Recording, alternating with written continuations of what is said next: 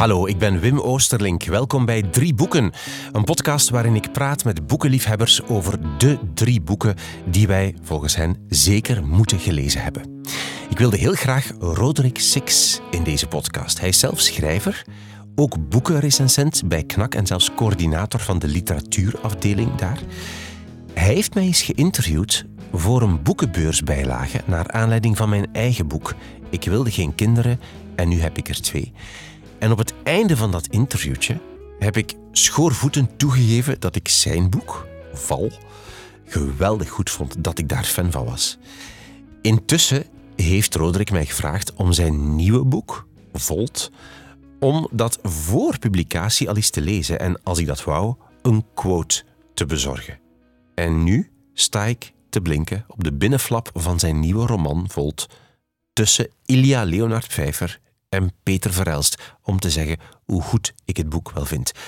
Af en toe kijk ik zo eens in mijn exemplaar om te zien of het wel echt waar is dat ik daartussen sta. Zwart. Roderick Six dus, te gast in deze podcast. Ik was zeer benieuwd om te weten te komen of iemand die zoveel met literatuur bezig is voor zijn werk, of die nog plezier vindt in lezen, of dat nog leuk is. Hij vertelt over een puberaal stoefboek, Um, hij vertelt hoe hij ooit de bibliothecaris van Ieper overtuigd heeft om hem het kapot gelezen exemplaar van The Picture of Dorian Gray van Oscar Wilde toch te laten houden. En waarom Jeroen Brouwers er niet bij zit bij zijn drie boeken, terwijl hij daar toch grote fan van is. We hebben gepraat in zijn huis in Gent, in de buurt van de Burgstraat in het centrum. Een huis waar overal boeken staan. We zaten in de zetel in de living naast de vinylplaten, terwijl Roderick zijn vriendin beneden zat. Alle details over de drie boeken van Roderick Six en over de auteurs waarover we het hebben in deze podcast vind je op wimoosterlink.be onder het kopje drie boeken. Veel luisterplezier. Dit zijn de drie boeken die je moet gelezen hebben, volgens Roderick Six. Ja, boeken kiezen is natuurlijk altijd gruwelijk. Hè? Als je huis vol staat met wereldliteratuur, dan uh, al die schoonheid, al die prachtige taalmeesterwerken, dat is verschrikkelijk om uit te kiezen. En dan val je toch altijd terug op dezelfde klassiekers. Want de vraag van, hè, maak eens een lijstje van je top 10, die blijven toch altijd, daar, dat fluctueert niet dikwijls. Eén keer als die in de top 10 zitten in mijn hoofd, dan blijven die daarin zitten. Daar komt niets bij? Zelden. Of daar gaat niets af? Zelden. Ik denk dat dat te maken heeft met de, de jeugdigheid waarmee ik beginnen lezen ben. En dat ben je als tiener heel vatbaar voor uh, invloeden. En is je brein nog vers en maakt dan een soort indruk in je hoofd die er niet meer uitgebrand kan. Um, ik denk dat hetzelfde met muziek is. Platen zoals Nirvana vind ik ook nog altijd een fantastisch album. Uh, blijf die ook opleggen, dus dat gaat niet meer weg. Hoe ouder je wordt, hoe minder plek dat er precies is om nog iets bij te nemen. Soms vind ik dat jammer. Aan de andere kant heb je in je hoofd toch al een kleine mini-bibliotheek waarvan dat je denkt van als ik ooit gepensioneerd ben, ga ik die zeker nog een keer allemaal opnieuw lezen. Maar als ik ooit eens gepensioneerd ben, dat is natuurlijk de, de crux. Maar ben je dan zo vroeg begonnen met lezen, zegt als tiener? Ja, zo, van zodra dat ik kon lezen, ik denk dat de eerste boekjes waren natuurlijk Pietje Puk, of Pietje Bel, hoe heet dat, met die oorlijke postbode. en heel snel ben ik van de jeugdafdeling in de BIP van Ieper overgeschakeld naar de volwassenen BIP. In die tijd had je nog niet echt zoveel young adults zoals dat je nu hebt. Um, ja, je had zo nog Jan Terlouw, die zat daar zo wat tussen. Bart Moejaert was ook zo'n iemand die een stapsteentje bood. Maar ik ben heel snel heel zware literatuur gaan lezen begreep er niet alles van, maar het feit alleen al van boeken in huis te halen en die te doorploegen en te doorworstelen, dat, dat gaf mij al trots op zichzelf. Allee, maar wat is dan heel vroeg? ik denk dat ik elf of twaalf was als ik bijvoorbeeld aan Moelisch begon en, en Klaus. Um, ja, ik zeg het, dat, dat was natuurlijk ook een ontdekking, want die boeken zijn vaak ook iets pittiger dan uh, uh, Pietje Bel. Dus dat was ook al soms met rode oortjes op je slaapkamertje zitten boeken lezen. Ik zeg het, soms snapte ik niet waarover het ging. Zeker de boeken van Jo Klaus, dat was soms goh, te moeilijk. Of ik had geen referentiekader om dat volledig te, te begrijpen. Maar je deed het wel. Ik weet zelfs dat ik, de naam van de roos, ik denk dat ik 15 was toen ik zo Umberto Eco begon te lezen. Dat, dat zelfs mijn leerkracht Nederlands zei van, zou je niet eventueel een iets makkelijker boek nemen om een opstel over te schrijven? Waarschijnlijk omdat hij zelf dacht van, ik ga dat dan nou moeten verbeteren. Ik heb die een boek zelf niet gelezen. En het is ook zo dat het niet gestopt is. Want je zou denken, als je te vroeg begint, zou het kunnen dat de interesse verdwijnt. Of dat, dat, dat je beu bent, of zo. Ik hoor dat vaak van mensen die dan eh, iets ouder worden en een werkleven en een gezin beginnen, is dan vaak uit de klacht van ik heb geen tijd meer om te lezen en ik mis dat. Waarschijnlijk is dat ook een halve verontschuldiging naar mij toe, omdat ik natuurlijk zelf schrijver ben en als ze dan iets wat ongemakkelijk moeten komen zeggen van ik heb nog geen tijd gevonden om je roman te lezen, maar ik heb hem wel al gekocht, wat voor mij het belangrijkste is. Ehm, ik snap dat wel, maar bij mij is dat natuurlijk, het is ook mijn job. Ik doe dat elke dag. Eh, elke dag vallen er nieuwe boeken in de bus. Ehm, ik moet die voor knak bespreken, dus ik moet die ook lezen, doornemen, eh, taken verdelen, want ik bespreek ze niet allemaal zelf. Eh, dus er komt wel heel veel binnen. En na een tijd, door het feit dat dat werk is, zit daar soms een beetje sleur in. Omdat je natuurlijk altijd met oog op een recensie leest en dat het een beetje ja, je bent toch al bezig met analyse van taal en dus zit die structuur van die roman in elkaar. Is dit uh, een pittige stijl? Kan daar iets mee? Vertelt iets relevant over de maatschappij? Je bent eigenlijk al aan het werken terwijl dat je leest. Dus het leesplezier, dat ben ik een beetje kwijtgeraakt. Tot mijn frustratie soms. Soms probeert mijn vriendin nog, die doet mij dan ook nog boeken cadeau, want ik heb al geen boeken genoeg, dus dan doet ze mij nog cadeau ook. En dan ligt dat op een stapel, de grote Melissa nog te lezen stapel. En dan moet ik bijna wachten tot ik op vakantie ga naar, naar Lissabon en mij effectief aan een zwembad zetten om een boek te lezen dat niet tot mijn arbeid behoort. Een, een boek met plezier. Met plezier, ja. Met geen enkele andere functie dan het tot mij te nemen en ervan te genieten. En is, dat is dan een wat is het verschil tussen de boeken die jouw vriendin jou cadeau doet en de boeken die je leest voor je werk? Wat doet ze jou cadeau? Dat is de vraag. Um, goeie tips altijd. Dingen die ik zelf over het hoofd zie, want zij leest natuurlijk ook veel, soms zelfs meer dan ik. Um, zij heeft een tijdje ook in een boekhandel gewerkt, maar ze heeft ook gewoon een scherp oog voor de literatuur die zo net buiten de mainstream valt. Die ik over het hoofd zie of die de kranten niet opgepikt hebben. Dus ik krijg regelmatig wel eens een boekcadeau van hier, lees dat eens. Of een oud boek dat ze zegt van kijk, Jannie Regneris, dus een Nederlandse schrijfster bijvoorbeeld. Zij zegt van kijk, jij had dat graag lezen. En inderdaad, dat moet ze dan ook nog eens gelijk geven. Dat klopt dan. Ja, altijd. Daarom is ze ook jouw vriendin. Misschien wel, ja. het is van... Ze zit beneden te gniffen, ik hoor. Ah. okay. uh, waar lees je? Lees je hier? Want we zitten nu in, jouw, in de living. Uh, meestal lees ik hier gewoon in de sofa. Uh, liggend. Um, ik heb een tijdje ook in bed gelezen, maar goh, dat ben ik ook weer van afgestapt. Um, probeer ook, liefst lees ik ook echt fysiek het boek, want, want journalisten krijgen meestal een maand of twee een pdf dat je dan op een computer of een e-reader moet lezen. Soms kan het niet anders, omdat je, ja, je moet voorsprong nemen en zorgen dat de recensie op tijd in de bladen verschijnt. Niemand heeft daar iets aan als je roman al drie maanden uit is en niet meer in de boekhandel ligt en krijgt alsnog een uh, lovende recensie, heeft, ja, heeft de auteur daar niks aan. Maar ik heb toch liefst fysieke boeken. En uitgevers zijn tegenwoordig al vriendelijk genoeg om een soort proefdruk op te sturen, die nog met enige fouten of met een lelijke kaft of met een stempel op leesexemplaar, dat, dat lukt wel. Hmm. Maar liefst het boek zelf. Het object zelf vind ik ook vrij belangrijk. Gaan we eens kijken naar welke drie boeken jij gekozen hebt. Uh, wat is het eerste? Het eerste is zo'n een, een, um, puberaal stoefboek. Excuseer? Een puberaal stoefboek. Um, toen ik uh, in mijn leesperiode zat, na een tijdje dacht ik, ik heb het gehad met uh, romans. Hè. Ik dacht dat ik heel de uh, bibliotheek van Yper had lees, leeggelezen. En toen kwam ik in een hoekje, was daar een soort klein kastje met filosofie. En dat boeide mij. Um, vooral omdat daar een zekere, daar, daar straalde een zekere ja, serieus vanaf. Dat ik, ik, wilde daar deel van uitmaken. Ik was ook benieuwd van, wat is dat eigenlijk, filosofie? En ik had dan eerst Bertrand Russell gelezen. Die heeft een heel mooie introductie geschreven in de westerse filosofie. Best een klepper, maar een mooie, helder overzicht. En Bertrand Russell kan ook best goed schrijven. Um, dus dat was een ingangspoort. En toen heb ik mij gaandeweg gaan ja, dat pad gaan verkennen. Uh, Nietzsche gelezen, waar ik een beetje te jong voor was, maar je bent eigenlijk altijd te jong om Nietzsche te lezen.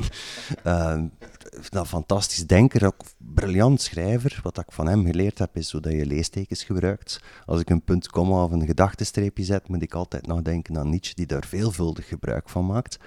Dat is ook iets wat een beetje teloor gegaan is, de leestekens. Nu kent iedereen nog een punt en een komma, maar dat is het dan ongeveer. Dus ik zal ook zeker in mijn eigen romans, als ik kan een punt, komma of een uh, gedachtenstreepje gebruiken, ga ik het niet laten. dankzij uh, Nietzsche, Ja, dankzij Nietzsche ben ik dan in, uh, in bij de existentialisten terechtgekomen. Sartre, Merleau-Ponty. Maar het is vooral Albert Camus die mij um, bij het nekvel heeft gegrepen die man heeft ook fantastische romans geschreven. Uh, de Vreemdeling, De Val, dat zijn allemaal heel leesbare en altijd moderne romans. Een beetje donker, maar toch heel humaan ook. En ook dat kan een toegangspoortje zijn tot uh, het werk van Camus. Maar dit is um, De mythe van Sisyphus. is een van zijn eerste en bekendste essaybundels. En ja, de ondertitel zegt het, een essay over het absurde. En dat is een heel helder betoog over uh, de mens. En de openingszin vind ik nog altijd een van de beste openingszinnen voor een filosofisch werk. Ja. En ik zal ze u voorlezen. Graag. Er bestaat maar werkelijk één serieus filosofisch probleem, dat van de zelfmoord. Oordelen of het leven wel of niet de moeite waard is om te blijven leven dat is antwoorden op de fundamentele vraag die de filosofie ons stelt. Dat vind ik uh, de hoogste inzet die je, die je kunt bereiken voor, voor een filosofisch werk. Uh, je afvragen van wat doen wij hier op aarde? Is ons bestaan zinvol? Moeten we er niet direct een eind aan maken? Uh, want als dit bestaan zinloos is, wat doen wij hier dan nog? En dat vind ik zo'n fundamentele vraag voor iedereen, dat ik ze dat ik dat eigenlijk dat boek wil aanraden ook aan iedereen. ik denk van, denk daar eens over na. Ehm, het is een beetje donker, luguber zelfs als je mhm. erover nadenkt, maar het is wel een fundamentele vraag van, wat doen wij hier op aarde? Geeft hij ook een antwoord? Hij geeft een antwoord, ja. Um, hij stelt eerst vast dat, dat er heel weinig zin te vinden is in dit leven. Dat alles eigenlijk ook absurd is. Maar hij keert dat dan om en hij zegt van, maar dat absurde is een kan een vorm van verzet zijn. Ook al is het leven absurd, blijven leven op zich is een daad van verzet. En hij haalt het, uh, het mythische toonbeeld aan van Sisyphus. Sisyphus was een, een, uh, een halfhot die gestraft is geweest door de, de goden. En zijn straf bestond eruit dat hij elke dag een rotsblok een berg moest oprollen. Uh, de Griekse goden kende, dat zijn een klein beetje klootzakjes. Want één keer als hij bijna aan de top kwam met die rotsblok, kantelde die rotsblok en rolde weer helemaal naar beneden en moest weer helemaal opnieuw beginnen. Elke dag opnieuw. En dat is op zich tragisch als je daarover nadenkt, maar Camus zegt van, dat is ook bijzonder dapper. Die man doet dat elke dag en eigenlijk is hij vrij. Hij wordt misschien wel gestraft en hij zit in een soort gevangenis, maar het is zijn gevangenis en hij kiest ervoor om dat te doen. Hij kan ook beneden blijven staan en zeggen: Fuck you, gewoon mij niet meer. Maar hij zegt: van kijk, dit is mijn taak, jullie hebben mij gestraft, ik ga dit proberen te volbrengen. En hij projecteert dat dan ook naar het leven toe. Bijvoorbeeld, hij zegt van een kunst. Kunstbedrijven kan een vorm zijn van te ontsnappen aan het absurde. Liefhebben ook. Wat, wat ik heel mooi vind aan Camus is dat hij ook gewoon de menselijke dingen uh, centraal stelt. Liefde, seks, genegenheid, schoonheid. Dat kunnen allemaal daden van verzet zijn. Hmm. En dat schetst hij zo mooi in uh, de mythe van Sisyphus. Het is iets wat je uh, is het iets wat je persoonlijk ook herkent? Als in mhm. jouw, jouw eigen boeken zijn ook heel donker. Als ik dat mag zeggen, ik mag dat zeggen. Oh. Is dat iets wat bij jou ook een rol speelt? Ja, ik, ik heb altijd al donker. Ik vind dat een moeilijk. Dat heeft zo'n pejoratieve betekenis, donker.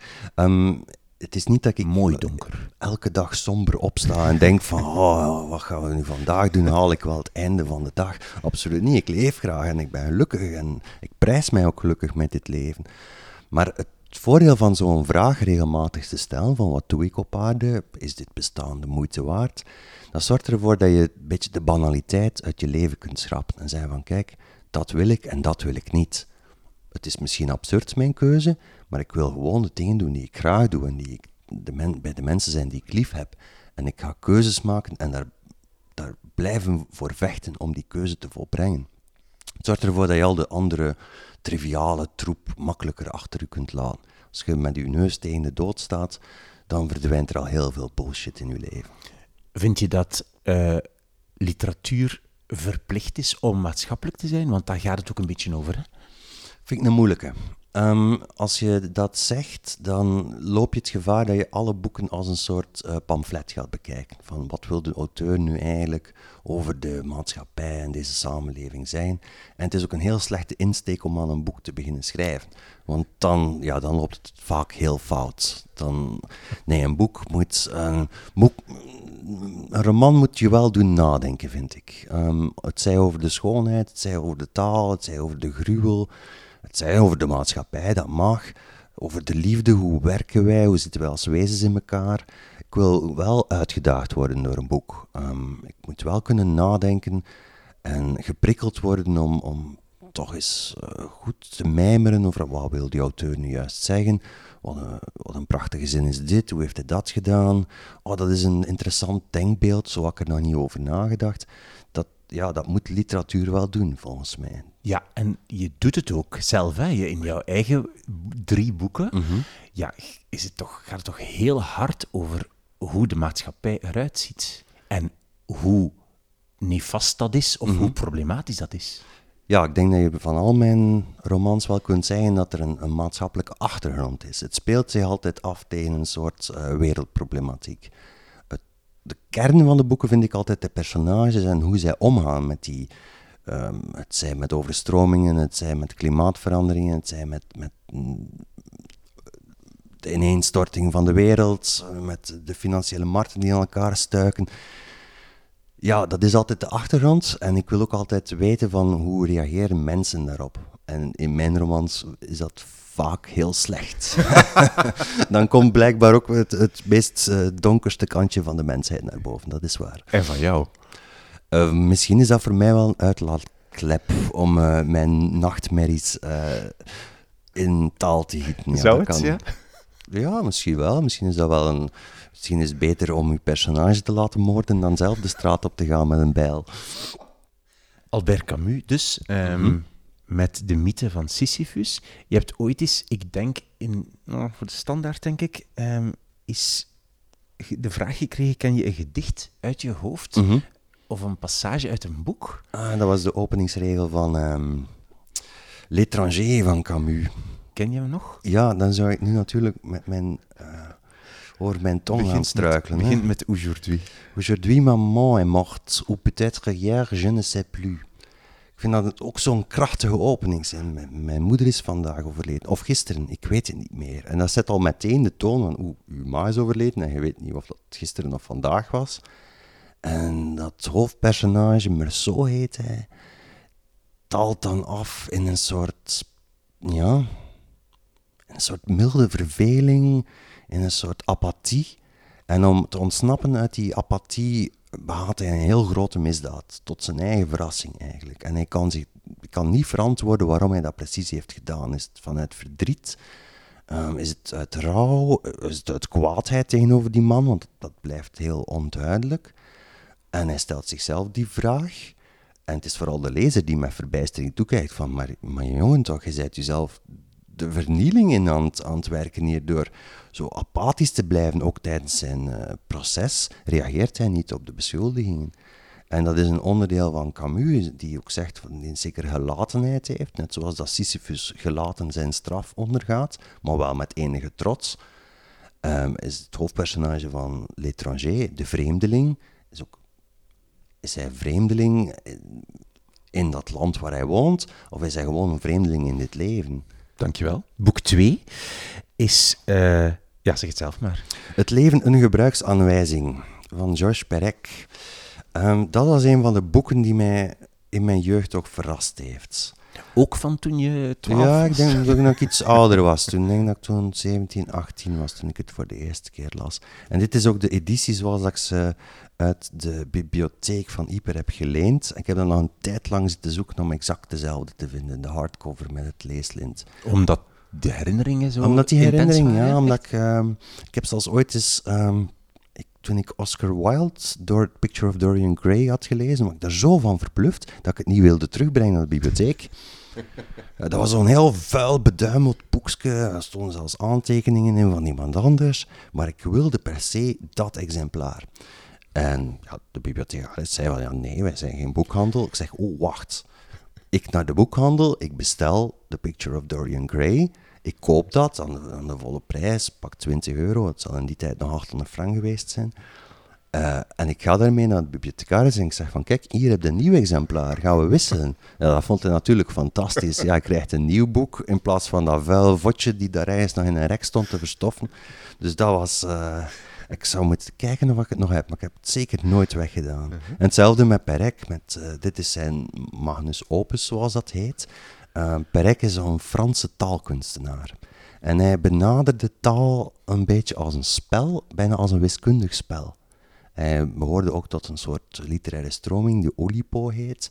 Ehm, wat hij doet is, ehm, hij kijkt hoe ver dat hij de taal kan pushen om ehm, tot het onleesbaar wordt.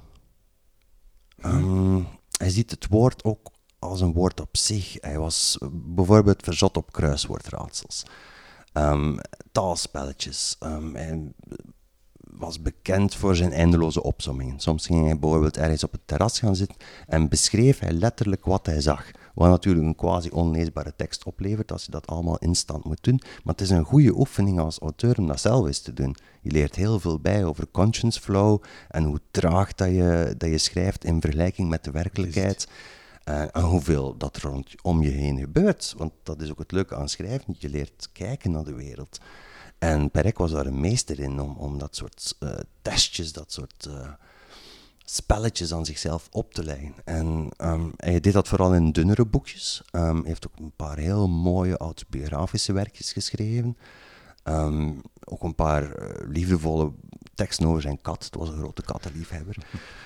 Maar dit, het leven en gebruiksaanwijzing, dat is eh, zijn meesterwerk. En dat speelt zich af in een Parijs gebouw. Ja. En hij zet als het ware de tijd stil. Mhm. En dan pakt hij een dwarsdoorsnede van dat gebouw. Hij snijdt dat bijna letterlijk door twee, opent het en verspringt dan van kamer naar kamer en beschrijft wat daar gebeurt. Hij verspringt niet alleen van kamer naar kamer, hij gebruikt ook de, de zetten van een, een paard in het schaakspel. Hij mag dus van zichzelf alleen maar in een il-vorm bewegen. En de bedoeling is dat hij op het einde van de roman alle kamertjes heeft gedaan, wat op zich al een moeilijke oefening is. Iemand die een beetje kan schaken weet dat dat niet zo simpel is. Een paard is een grillig beest in het eh, schaakspel. En ehm, de tijd staat dus stil en hij beschrijft die kamers tot, bijna tot in detail. Eh, iemand die staat af te stoffen, dan, dan ga je dat uh, porseleinen figuurtje beschreven krijgen. En in het begin is dat nogal taai. Denk je van, hier gebeurt niets, want het kan ook niets gebeuren, de tijd staat stil. Maar na een tijd snap je dat eh, het porseleinen beeldje uit kamer 1 bijvoorbeeld, is al dat de herkomst van, eh, van hè, dat komt uit, eh, zeg maar wat, Oost-Indië en dat is daar en via, via, via, via nu op dat uh, dressoirtje terechtgekomen. Goed, je leest verder en dan plots heb je een buurman of een onderbuur die ook in Oost-Indië ergens een beeldje heeft gekocht ooit en dat is kwijtgeraakt. En die roman zit vol met dat soort kruisverbindingen. Um, opent ook op de linkerpagina, wat al vrij irritant is, iemand die dat gewend is om een boek te lezen. Het is ook opgedragen naar Raymond Queneau. Hij was ook zo'n uh, een taalkunstenaar. Dat was het lijvig, En ik zie, dat begint al dus op de verkeerde kant. Hij begint dan ook uit te leggen hoe puzzelstukjes werken. Dus je ziet uh, een roman als een puzzel. En denk je van, wat is dat hier allemaal voor een uitleg over puzzels? En, en dat staat hier al verkeerd. En hij gaat dan ook straks een beetje in de kantlijn schrijven. Uh, grote letters gebruiken, andere lettertypes. Soms bijna encyclopedische lemma's. Kijk hier, voilà, voetnoten. Dat, hij was zot op voetnoten. Er bestaat zo'n boekje van hem. Uh, het begint, uh, maakt een regel of drie, vier. En dan komt er een voetnoot. 1 staat erboven. En dan kijk je van onder en staat er 1, ik ben dol op voetnoten. En dan, dat doet iets met je brein. dan, dan ga je, ik voelde toen ik dit las, mijn brein letterlijk kantelen. Ik dacht van, oh, op die manier kun je ook met taal omgaan. Je hoeft niet per se een plot of een verhaal te vertellen. Taal op zich is ook leuk. Dat is een soort uh, ja, knutselmaterie. Je bent vrij om daarmee te doen wat je wil. Je mag daarmee spelen. Er is niemand die zegt dat je een coherent verhaal moet vertellen. Uh, het is beter als je het doet voor de lezer, maar als jij je amuseert als auteur, ja. is dat toch super? Maar dat is mijn vraag. Is dat dan leesbaar? Ja, absoluut. Dat is het leuke eraan. Hij is dan ook eens zo gul om dat spel zo leuk te maken dat je als, als lezer met veel plezier meespeelt. Ja, ja, hij is toegankelijk. Het is, geen exper het is een experiment, maar het is geen experimenteel schrijver. Hij maakt het er niet moeilijk om het u moeilijk te maken. Hij zegt gewoon van, kijk, hm, je gaat nu gewoon even moeten meegaan met mijn paardensprongen. En dat gaat soms rare, grillige passages opleveren. Maar geen probleem, ik heb u bij de hand. Dat voel je ook bij ja. Perk. Het komt goed, alleen in de zin van, je... je je bent blij als Ja. het gedaan is. Of je, ja, de puzzel valt Ja. dan op het einde wel redelijk. Maar je moet het wel een paar keer lezen. En als je het een paar keer leest, dan ontdek je nog veel meer. Want hij refereert bijvoorbeeld. ehm, ergens staat er één klein bijzinnetje: staat er een, een tijltje onder een bed en daarin liggen sokken te weken. Blauwe sokken. Dat is een referentie naar een veel oudere roman van hem. Een dort, een man die slaapt, die dus ook letterlijk heel de roman niets anders doet dan slapen, wat op zich al een bizarre uitgangspunt is voor een eh, heel spannende roman trouwens. Dat tijltje staat daar ook. Als je natuurlijk zijn boeken hebt gelezen, dan heb je een soort herkenningsmomentje en een soort vonkje van, ah, George, maar ik heb ook een dort gelezen. Ik snap naar wat je verwijst. Ik begrijp hoe belangrijk dat dat tijltje is. Dat zal dan later nog eens terugkomen in zijn autobiografie. Dus eh, dat soort Heftig. En dat, hoeveel bladzijden lang? Ja, ik Eh, s- 600 bladzijden 600, bijna? zoiets, ja, 600. Ja, de laatste is, ja, de laatste is allemaal voetnoten. Ja. Met uitleg en lemma's en dan ook nog eens uitleg over de uitleg. ja, het is wel een, eh, ja, kijk, en dan een, een schemaatje van hoe dat het, het, eh, het gebouw in elkaar zit. Dat is dan maar de ja, dwarsdoorsnede van het pand. En dan kun je ook letterlijk zo, ja, die sprongetjes maken hè, van hoofdstuk naar hoofdstuk. Je, je zei, maar nu weet ik niet meer exact, maar ik heb je gelezen of gehoord dat je ergens zei van dat je eigenlijk graag ook de taal wil veranderen. Wat, wat bedoel je daarmee? Heeft dat er iets mee te maken met dit, met dat spelen? Of totaal niet? Ja, ik denk, als ik een roman schrijf, dan wil ik ook altijd de taal onderzoeken. Ik vind dat de plicht als auteur van ehm, taal is mijn werkmateriaal. En ik moet dat door en door kennen. En ik moet ook kijken van hoe ver kan ik dat materiaal pushen om er het maximum uit te krijgen. Eh, dat klinkt een beetje arrogant en terecht. Eh, ik wil de taal veranderen, maar ik denk dat dat wel de ambitie moet zijn van een auteur. Ehm, net zoals een schilder wil kijken van als ik een paar kleuren meng, hoe krijg ik het perfecte blauw dat ik nodig heb voor dit hoekje in dat schilderij, moet ik als auteur ook denken van hoe beschrijf ik hier een, ik zeg maar wat, een vogel op een manier dat jij hem hoort fladderen in je hoofd. Ik kan niet gewoon zeggen, een vogel vliegt. Ja, ik kan het wel zeggen, maar hoe, hoe saai is dat, ook voor mezelf? Dus ga ik op zoek naar andere woorden om, om het eh, geritsel van pluimpjes te, te beschrijven. Maar ga, leg dat eens uit. gaat dat dan over woorden? Gaat dat over grammatica? Gaat dat, hoe hoe- hoe- hoe moet ik me dat voorstellen? Oké. Zowel de grammatica als de vocabulaire is, is- dat is één ding. Ehm, men zegt soms, ja, hij heeft een goede stijl. Ja, maar elke keuze van elk woord verandert ook de inhoud van je boek, verandert ook de connotatie. Ehm, ik kan zeggen dat is grijs, maar als ik zeg van het is ehm, oliezwart, dat is al een heel andere kleur. Dat is ook een heel andere interpretatie die je in je brein zal krijgen. Als ik zeg oliezwart, dan denk je dan aan, aan glanzend, aan, aan kleverig. Dat zijn dingen die ik mij afvraag. Ehm, en dat ik mis dat soms een beetje in, in andere boeken. Dat ik denk van oké, je mag een verhaal vertellen, maar ik wil ook wel dat je heel mooie zinnen schrijft.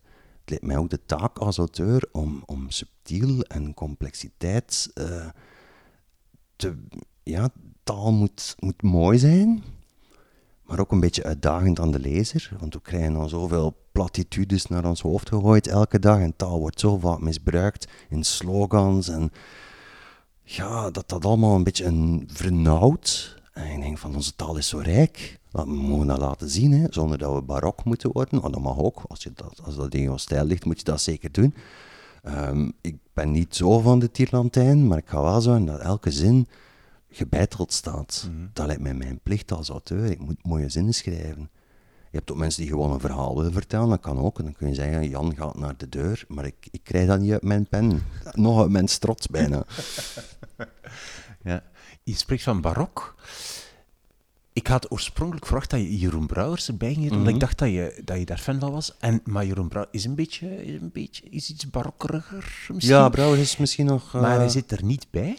Nee, ehm, ik, ik hou wel van Jeroen Brouwers. Ehm, maar misschien ben ik ook gestopt met hem te lezen omdat ik denk van zijn invloed zou te groot kunnen zijn. Dat is een, een, Dat hebt- moet je eens uitleggen. dat is een auteur waarvan ik denk van die is zo groot, zo meesterlijk, dat het gevaar bestaat dat je hem gaat kopiëren. Dat hij je stijl gaat beïnvloeden. Je bent bang... Wacht. Je bent bang dat Jeroen Brouwers jouw stijl... Als ik hem te veel zou lezen, Ja. ja. Ik heb dat dikwijls met, met auteurs die ik bewonder, lees ik dan niet meer. Omdat ik denk van, ja, als ik nu... Hey, straks het over Nabokov hebben. Ik heb die gelezen, maar ik raak die niet meer aan. Want anders, ja, stel je voor, dan, dan krijg ik geen zin meer op papier. Omdat Nabokov schrijft briljante zinnen. Kun je je de stress voorstellen als, als je aan je bureau zit en achter u staat er zo'n stapel wereldliteratuur en ik ga er elke dag in gaan kijken, dat zou verlammend werken. Ik zou geen zin meer op papier krijgen. Wat moet ik daar nog aan toevoegen? Het is wel een verschil dat je zegt van, ik ben... Ik ben... Wacht, hè. Ik ben bang dat ik ga imiteren. Mhm. Of ik heb schrik van, om, om, om het nooit zo goed te kunnen doen. Ja, dat zal beide zijn. Hè. Ja, Ja, ja. Imiteren is natuurlijk ook een poging om het zo goed mogelijk te doen. Maar ehm, ja, de lat die Brouwers legt, dat is, dat is bijzonder hoog. Ehm, ook omdat hij ook zo veelzijdig is. Het is niet alleen een goede romancier, het is ook nog een, keer een fantastisch polemist en essayist. Eh, ja, die stukken over de zelfmoord en zo, dat is, allemaal, dat is verbluffend goed gedaan. Ja, soms moet je ook zeggen, kijk, sorry meester, maar eh, ik ga mijn eigen weg, want anders, anders raak ik de klas niet uit. Ja. Omdat er inderdaad geen, er zit geen Vlaamse of Nederlandse auteur bij nee. jouw keuze nu vandaag. Nee, ik had er wel kunnen noemen natuurlijk. ja. Ja, ik denk dat eh, eh, Peter Verhelst zeker een grote invloed heeft gehad. Eh Hugo Claus, Ivo Michiels ook, die had er zeker ook nog bij gemogen, omdat hij van een beetje vergeten wordt. Taalspel en ook dat hij zinnen bouwt. En ik denk dat als ik die drie noem, dat die alle drie inderdaad een, de taal een, ja, een duwtje hebben gegeven. Die hebben zo laten zien van, kijk, je kunt wel iets meer doen met taal dan gewoon beschrijven wat er gebeurt. En zeker Hugo Claus en zijn poëzie is... eh, ja, dat is altijd uh, ontzagwekkend om te zien en, en te, te luisteren. Ik had gisteren nog een fragmentje in mijn koptelefoon waarin dat hij een gedicht uit de Oostakkerse voorleest. Ja, ja, ja, daar kan ik het niet bij. Hè. Dat, is- ja, dat, wat voel je dan? Ah, Denk je dan van, ah, zo. tantrik, ja, zo, zoiets tussen, eh, ja, een kleine, het is niet wrok, een soort jaloezie. eh, doe me toch. Een gezonde jaloezie. De gezonde jaloezie, ja, ja, het is wel motiverend natuurlijk. Ja. Hè? En het breekt ook je brein open, hè? Omdat, omdat je soms nieuwe wegen ontdekt dat je zelf niet zou opkomen. Daar dienen die meesters ook voor, hè? om de weg te leiden.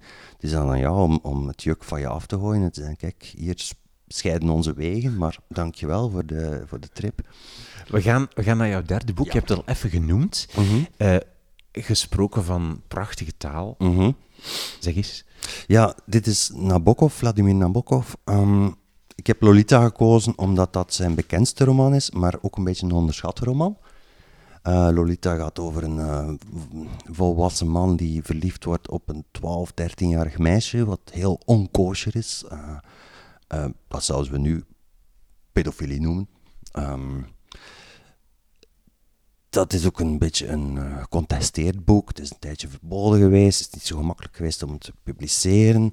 Ehm, en door die hele heisa daar rond hebben wij zo het beeld van... Oh, Lolita, dat is zo'n rode oortjesboek. En met, wat aberrante seks in en eigenlijk mag dat niet. Het is, het is jammer dat dat boek zo... Dat dat die stempel krijgt. Want mensen zouden het dan puur lezen voor de seksscènes. Helaas staan er bijna geen in. Als je met die insteek denkt van ik ga erotische literatuur lezen, dan ga je van een bekaaide eh, reis terugkomen. Want zoveel seks staat daar niet in. Eh, ik ga het nu eens zoeken. Ik heb het waarschijnlijk ook los, maar ik heb het nu in de verzamelde werken van Nabokov.